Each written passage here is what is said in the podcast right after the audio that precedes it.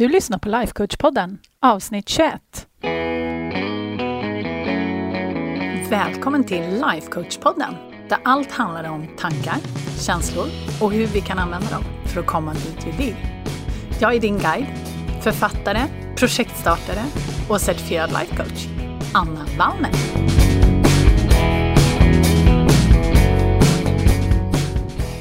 Men hej på er! Nu är vi ju mitt i sommaren känns det som och solen dånar ner och valparna växer.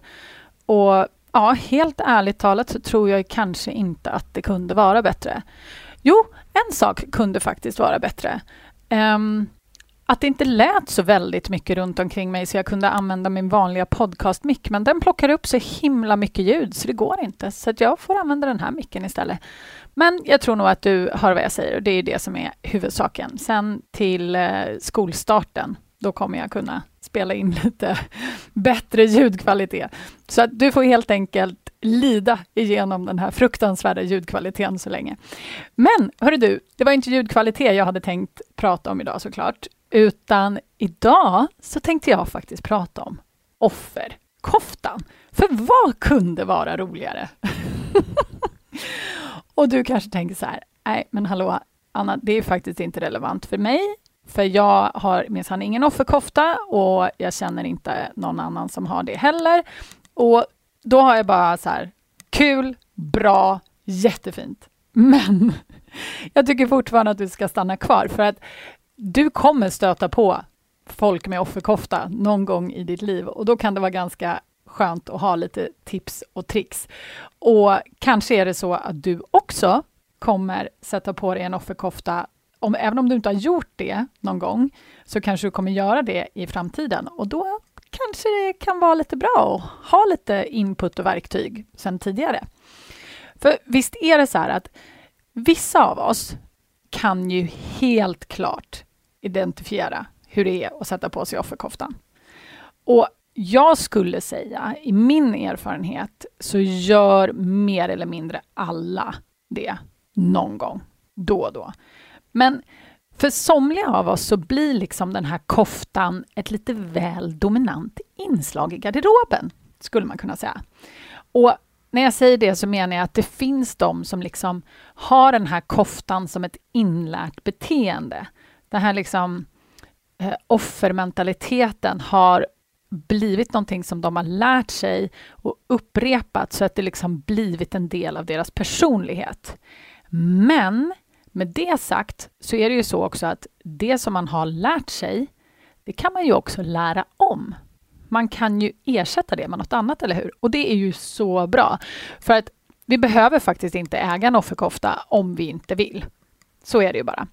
Men en av de här anledningarna till att jag ville prata om det här idag, det är ju såklart eftersom jag har ägt ett flertal offerkoftor i min dag. Av olika slag, skulle jag kunna säga. Olika färg och form och mindre eller mer snygga. Men de senaste åren så måste jag säga att jag har faktiskt bränt mina offerkoftor. Alltså bildligt sett. Och jag kan inte ens börja beskriva hur skönt det är. För att nu när jag märker att en offerkofta liksom är på väg och kanske har smugit sig in i hemmet på något vis. Och ibland så känns det nästan som att den håller på och så här, ligger lite på lurpass och tänker så här, nu ska jag hoppa på henne. Eh, och då, när jag märker det, för jag är alltid lite så här, jag märker när det är på gång, då har jag några ninjatrick som gör att jag kommer undan och kan slänga ut den här offerkoftan. Så att det tänkte jag ju självklart att jag ska lära dig idag. Men om vi ska återgå till liksom hur offerkoftor kan komma in i våra liv, så är det ibland som sagt vi själva som har offerkoftan på oss. Men ibland så är det ju vänner eller familj eller andra runt omkring oss som väljer att ha den på sig. Så att idag så vill jag faktiskt helt enkelt ge lite tips och tricks, de här ninja-tricksen som jag pratar om, skulle jag vilja ge dem till dig så att du kan delvis slänga bort din egen offerkofta om du vill, men också så att du kan hantera de här människorna runt omkring dig. För det kan ju faktiskt vara så att människor runt omkring dig som har offerkoftor på sig kanske triggar dig en smula. Jag vet att det brukade trigga mig väldigt mycket i alla fall. Så det kommer vi komma till också. Men innan jag börjar prata om de här tipsen och ninjatrixen så tänkte jag först att vi ska definiera vad offerkofta betyder. Alltså när vi pratar om offerkoftan, vad är det vi pratar om? Och då går man ju till allsmäktiga Google. För det gör man ju, eller hur? Och när jag gjorde det så kom faktiskt Wikipedia upp först som första val och då står det så här, nu tänker jag läsa till. Offerkofta uttrycker att en person eller en grupp spelar rollen som offer. Uttrycket är negativt laddat. Att bära eller ta på sig offerkoftan innebär att man tycker synd om sig själv eller beskriver sig som orättvist behandlad och söker sympati för detta. Den som använder begreppet antyder att personen i fråga ältar det här för länge eller fastnar i självömkan till den grad att det blir ohälsosamt eller låter falskt. Och det låter väl som en helt rimlig sammanfattning, tycker jag. Men för att fördjupa oss lite i det här så har jag faktiskt tre punkter som jag skulle vilja ta upp för att ge liksom den här offerkoftan kanske lite mer substans, eller vad man ska säga. Och Det första, det är det att personer som har offerkoftan på sig, och det här gäller ju dig, mig, alla, spelar ingen roll. När vi har offerkoftan på oss så är vi helt övertygade om att vi har rätt. Och att vi också så här, moraliskt har rätt på något vis. Och därför inte riktigt heller är ansvariga för hur vi agerar. Eftersom våra hjärnor i det läget tycker att det är inte vårt fel. Det är någon annans fel att vi känner som vi känner. Och i och med det så tycker vi också att det är helt rimligt att folk ska tycka synd om oss och ge oss sympati i liksom det här läget.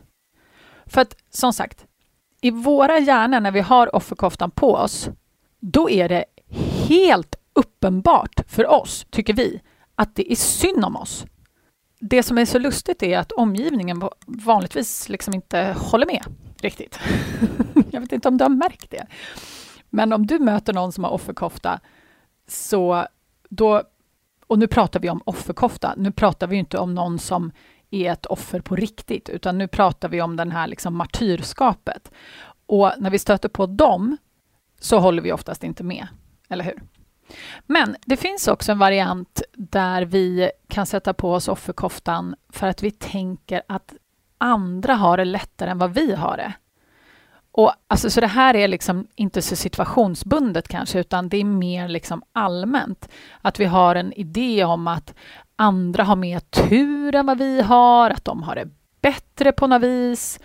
Och ja, att vi liksom inte alls har det lika bra, men att det har liksom ingenting med vårt ansvar att göra, utan det är mer bara som saker och ting är. Och det är en liten annan variant, att man liksom tycker synd om sig själv för att andra har det bättre på något vis. Vad nu bättre betyder, för vi har ju faktiskt ingen aning om hur andra människor lever. De kan ju ha hundra miljoner tusen kronor och vara de mest olyckliga i hela världen. Jag vet inte om det är någonting att avundas direkt, men jag tror att du förstår vad jag menar. En grej till som jag också vill ta upp som är gemensamt. Oavsett vilken situation som den här offerkoftan liksom kommer på, det är att personen i koftan anser sig inte vara ansvarig för sina känslor eller den här situationen. Så att jag säger det en gång till, för det här är så himla viktigt. Att den här personen som har offerkoftan på sig anser inte att de är ansvarig för sina känslor eller hela situationen. Utan den här personen i koftan anser att orsaken till att de mår som de mår, det är på grund av någon annan. Eller ibland något annat, för det behöver inte alltid vara en person. Men det är aldrig de som är orsaken och det är definitivt inte deras fel. Och om man försöker påpeka det, jag vet inte om du har gjort det någon gång, gör inte det. Det brukar inte falla så gott, falla i så god jord. Men eh, personer som har det här beteendet på riktigt, alltså nu menar jag så här riktigt djupt, jag vet inte om du känner någon sån, men folk som har det här beteendet riktigt djupt, de kan till och med leta efter tillfällen att misstolka det du säger eller andra säger eller eh, världen i största allmänhet. Även om det inte finns någon intention från någon att liksom såra eller kritisera. För är man så himla långt ner i sitt inlärda beteende, då har det liksom blivit en del av en. Och det är också något som hjärnan hela tiden letar bevis för. För hjärnan är programmerad på det sättet, så den vill ju bara stärka den bilden som vi redan har. Det är samma sak som vi pratade om i förra avsnittet, det är bara en tanke. Att om du tänker en sak om och om och om igen, då är det också den tanken som eh, hjärnan kommer gå till. Och det är det här vi gör också mycket i coachning, att vi ändrar liksom de här spåren så att det som du har tänkt förut, liksom vi flyttar dina tankar till någonting annat. Och ju mer du tänker det, desto mer kommer det bli din normala liksom, go-to, eller vad man ska säga. Det är det hjärnan gör. Den vill stärka den bilden som redan finns.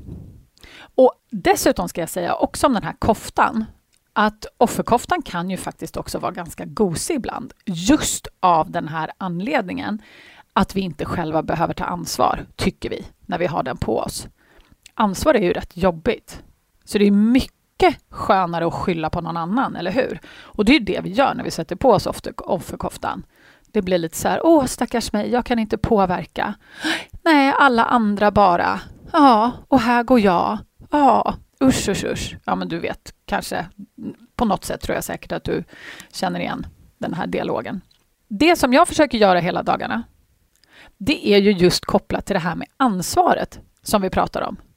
För att det jag försöker göra är ju att göra oss alla medvetna om att det faktiskt aldrig är andra personer eller saker runt omkring oss som faktiskt styr våra känslor. För det är inte det.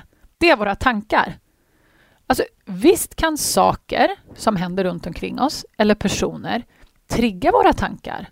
Men i slutändan så är det ändå du som är 100% ansvarig för vad du tänker. Du kan välja. Det, det är så här, ingen kan få dig att känna någonting utan ditt medgivande.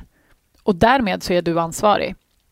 Jag tror att det var Eleanor Roosevelt som sa att det finns ingen som kan få dig att känna dig svag utan ditt medgivande.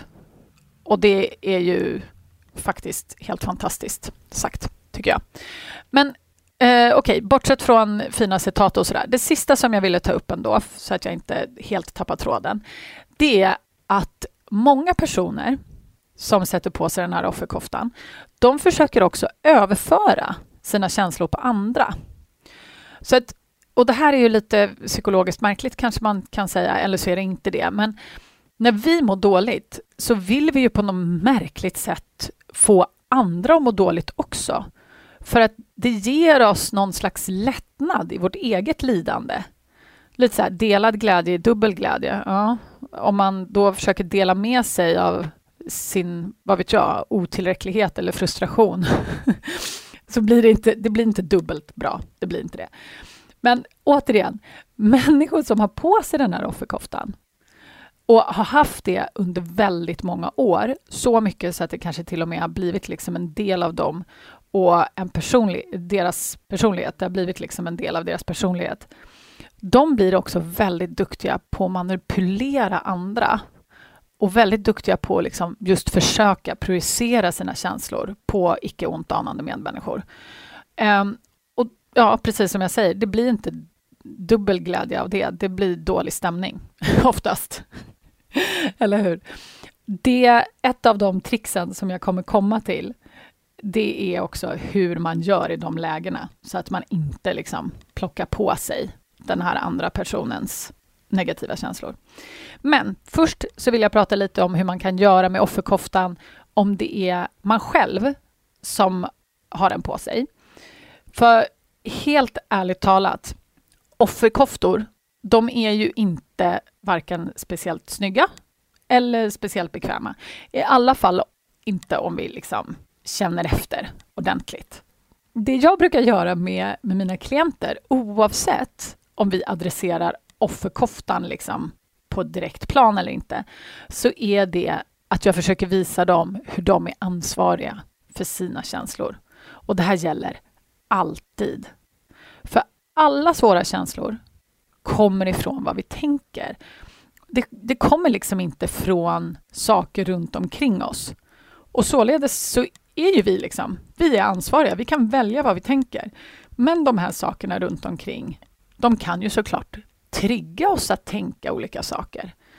Men när vi kommer lite längre fram i det här arbetet, då faller vi inte för de där triggerserna, eller vad man ska kalla det för, lika lätt. Och eh, en passus faktiskt bara som jag kommer att tänka på. För när jag stötte på det här med att jag faktiskt kan välja vad jag tänker, när jag blev presenterad för det, vad ska man kalla det, konceptet första gången, då blev jag ganska perplex. Eh, för att helt ärligt så hade jag aldrig tänkt på det på det viset. Jag trodde liksom att tankar, det var liksom bara någonting som kom och som var liksom helt utanför min kontroll. Jag kommer ihåg att jag kunde stå i duschen och ha liksom en ström av tankar som bara kom. Det var lite som vissa, jag vet inte om det är det folk menar när de pratar om the stream of consciousness. Det kanske är någonting helt annat. Men för mig så var det ju bara tankar om e-mails, konversationer jag hade haft eller skulle ha, eh, shoppinglistor, att göra-listor, saker jag skulle komma ihåg att göra för barnen, eh, jobbgrejer. Alltså, ibland det kändes som att det bara koka i hjärnan. Och jag hade verkligen ingen känsla av att jag kunde välja eller överhuvudtaget styra det här. Men nu då, några år in, så vet jag ju att jag kan välja precis vad jag vill. Och det är ju coolare än jag någonsin kan beskriva. Den här känslan i hjärnan har jag inte upplevt på, ja, inte två år, tror jag, minst. Alltså i det här när jag sitter här och spelar in det här. Så det är svårt att förklara. Jag skulle säga att det måste upplevas. Helt klart, det måste upplevas. Men okej, okay, jag ska inte spinna loss på alla mina passusar hela tiden. Jag ska försöka hålla mig lite mer till mina anteckningar. Så okej, okay. mitt första konkreta tips då, som sagt, för att ta tillbaka ansvaret för sina känslor, det är att om man är en person som har liksom offerkoftan uppknäppt hela vägen upp i halsen och väldigt sällan tar av den, då kan ju det här kännas jätteläskigt. Det kan kännas oroligt, det kan kännas nytt och naket och jag förstår det. Just det här med att ta ansvar för vad man själv känner, det kan vara superläskigt. Men det kan också vara jättehärligt och det kan vara befriande och en sån oerhört mäktig känsla som jag bara vill att alla ska få uppleva. Och jag minns också när min den här initiala chocken hade lagt sig, när jag insåg att jag faktiskt själv var ansvarig för alla mina känslor, så infann sig just en sån oerhörd känsla av makt. Och då menar jag inte makt över andra, utan jag menar makt över mitt liv, över mina känslor och över mina resultat. Så även om det känns naket och läskigt i början, så sluta inte. Fortsätt, för det blir bättre, jag lovar. Det är så värt det. Och jag säger det igen, du är ansvarig för det du känner. Punkt. Men är det så att det känns jättesvårt i början, för att just det här att ta ansvar för, min, ja, för sina egna liksom, negativa känslor kan vara lite läskigt i början.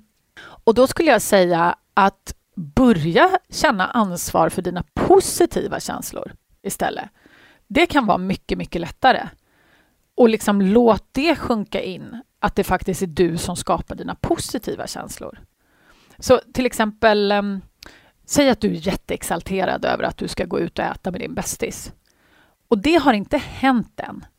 Men i dina tankar så tänker du att ni ska gå ut och äta och det gör dig exalterad. Det är ju tanken på att ni ska gå ut och äta som gör dig exalterad. Och sen kanske det ställs in. Men det kommer ju inte förändra faktum att du var exalterad när du tänkte på att ni skulle gå ut, eller hur? Så du skapade din egen känsla genom din tanke.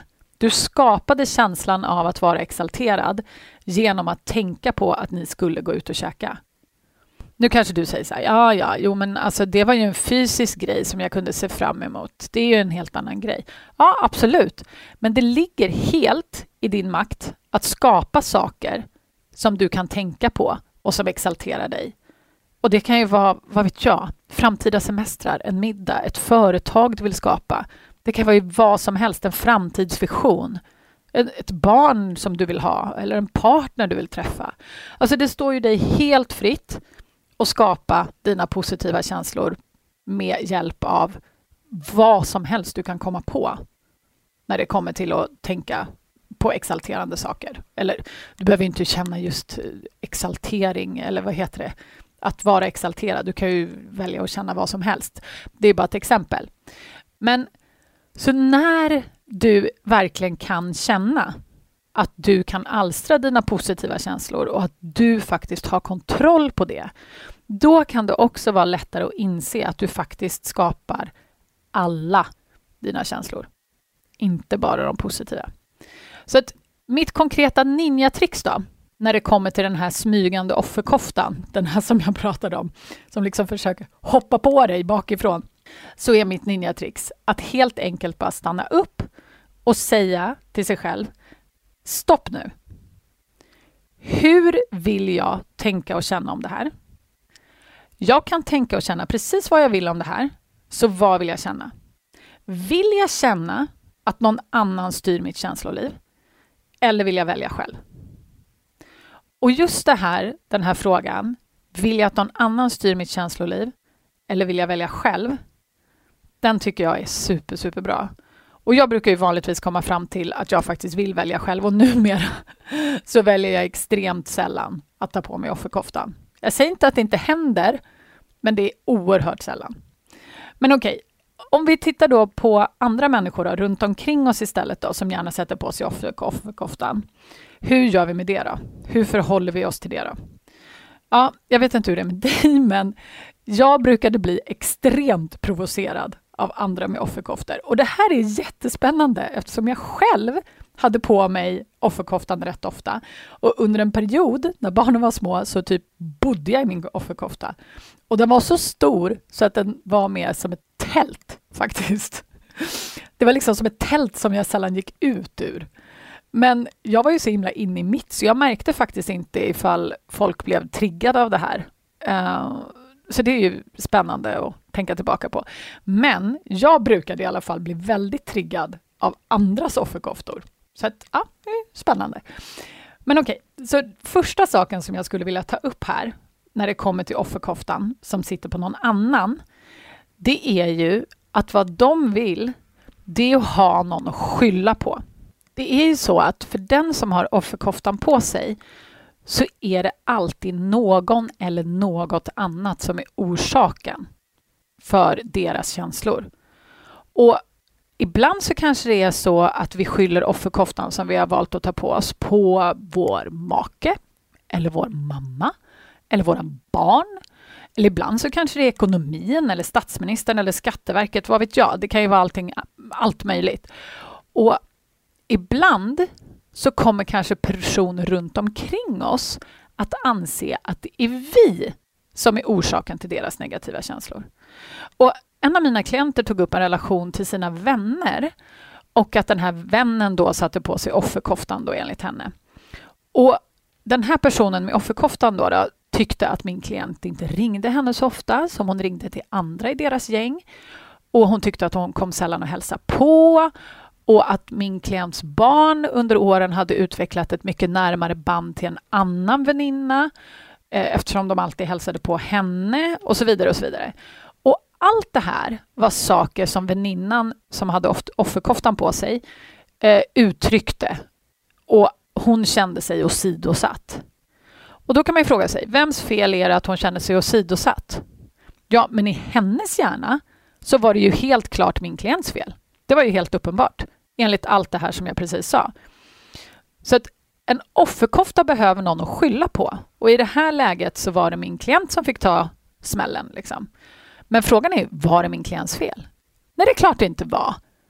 Men ibland så kan det bli lättare för oss som mottagare att bara vara okej okay med att vi blir beskyllda när vi faktiskt vet att vi inte är orsaken. För om vi vet att vi inte är orsaken, då är det mycket lättare att ta det. Och just det här kan ge oss en mycket större medkänsla och förståelse för våra nära och kära. Och vi kan förstå att den som har på sig offerkoftan faktiskt just i den stunden inte är kapabel att ta ansvar för sina egna känslor. Och det är okej. Okay. Man behöver inte vara stark jämt.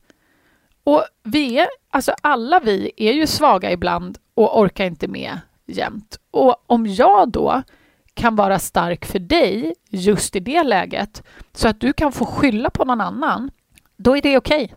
Jag kan ta det liksom. Men jag vet ju hela tiden att det är faktiskt inte jag som är orsaken. Och just den här insikten om att det faktiskt inte är vårt fel, det gör saker och ting så mycket lättare. Att det liksom, vi vet att det är den här andra personens tankar om situationen som är orsaken. Och det finns inget rätt eller fel. Det finns ingen som säger att man ska tänka på ett visst sätt. Men vi kan acceptera att de har en annan syn. De tänker helt enkelt andra tankar än vad vi gör. Och det är helt okej. Okay. Just det här med att det är vad andra tänker som är orsak till deras känslor kan också i många fall göra det lättare att inte ta på sig andras känslor. När det som vi pratar om, det här med att vissa försöker projicera sina känslor på oss. Så att när vi vet att det är vad andra tänker som är orsak till deras känslor, då kan vi helt ställ, lugnt liksom finnas där för dem bara. Och utan att må dåligt och deras vägnar.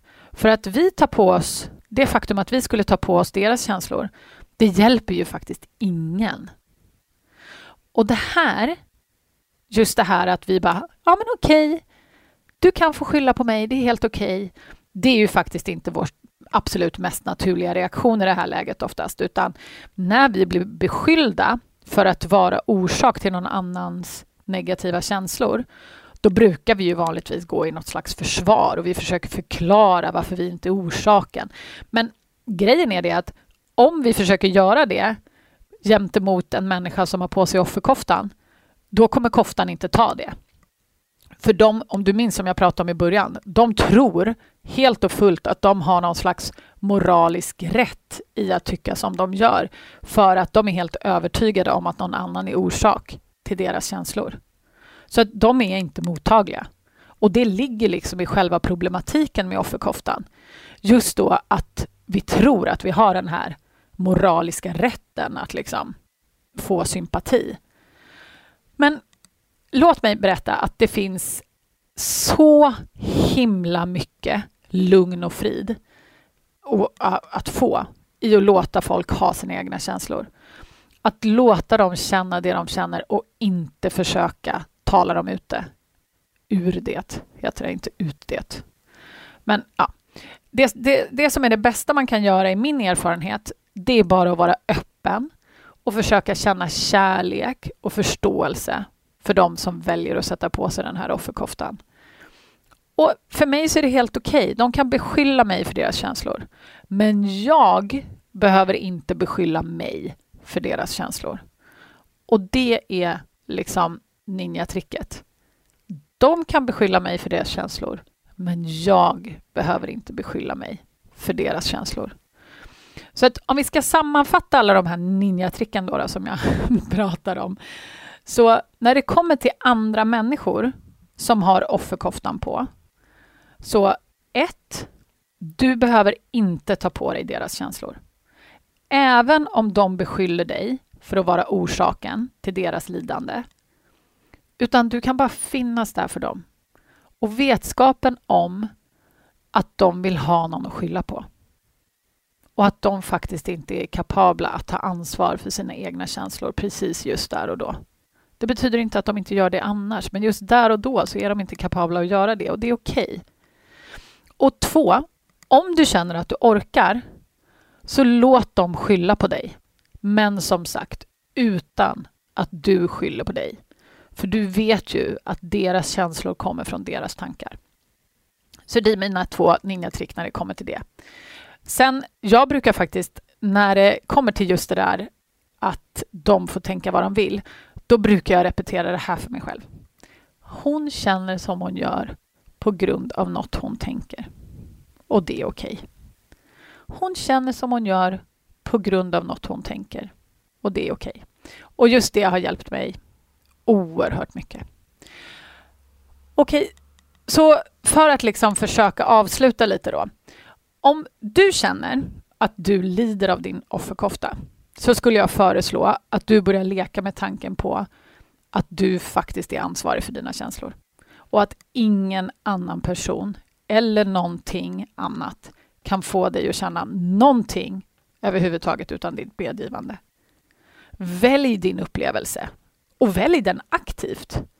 Välj hur och vem du vill vara, för det är helt upp till dig.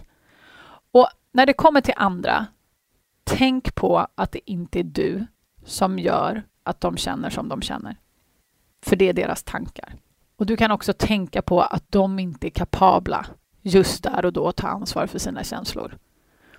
De vet kanske inte ens det du vet. Så att påminna dem i det läget att de minsann är ansvariga för sina tankar och att de minsann är orsak till sina egna känslor. Det är kanske liksom inte rätt, rätt läge att ta upp det, även om det är så att du har insett det. Så försök istället bara finnas där. Förstå dem, älska dem, för jag lovar att det kommer kännas bättre för dig. Och det är mitt enda intresse just nu. så att om du känner att du behöver repetera lite det här med tankar och känslor och hur saker och ting hör ihop, då tycker jag att du ska gå tillbaka till de första avsnitten på podden och lyssna. Och du, en sak till. Om du gillar vad du hör på podden, så hjälp mig att nå fler genom att lämna en recension där du lyssnar. För det gör det lättare för andra att hitta podden också. Och jag skulle bli så glad om du kunde göra det. Så med det sagt, hörru, ta av dig offerkoftan. Den är obekväm och stickig. Släng den på brasan. Och sen så hoppas jag bara att du har en underbar vecka. Så hörs vi nästa måndag. Puss och kram!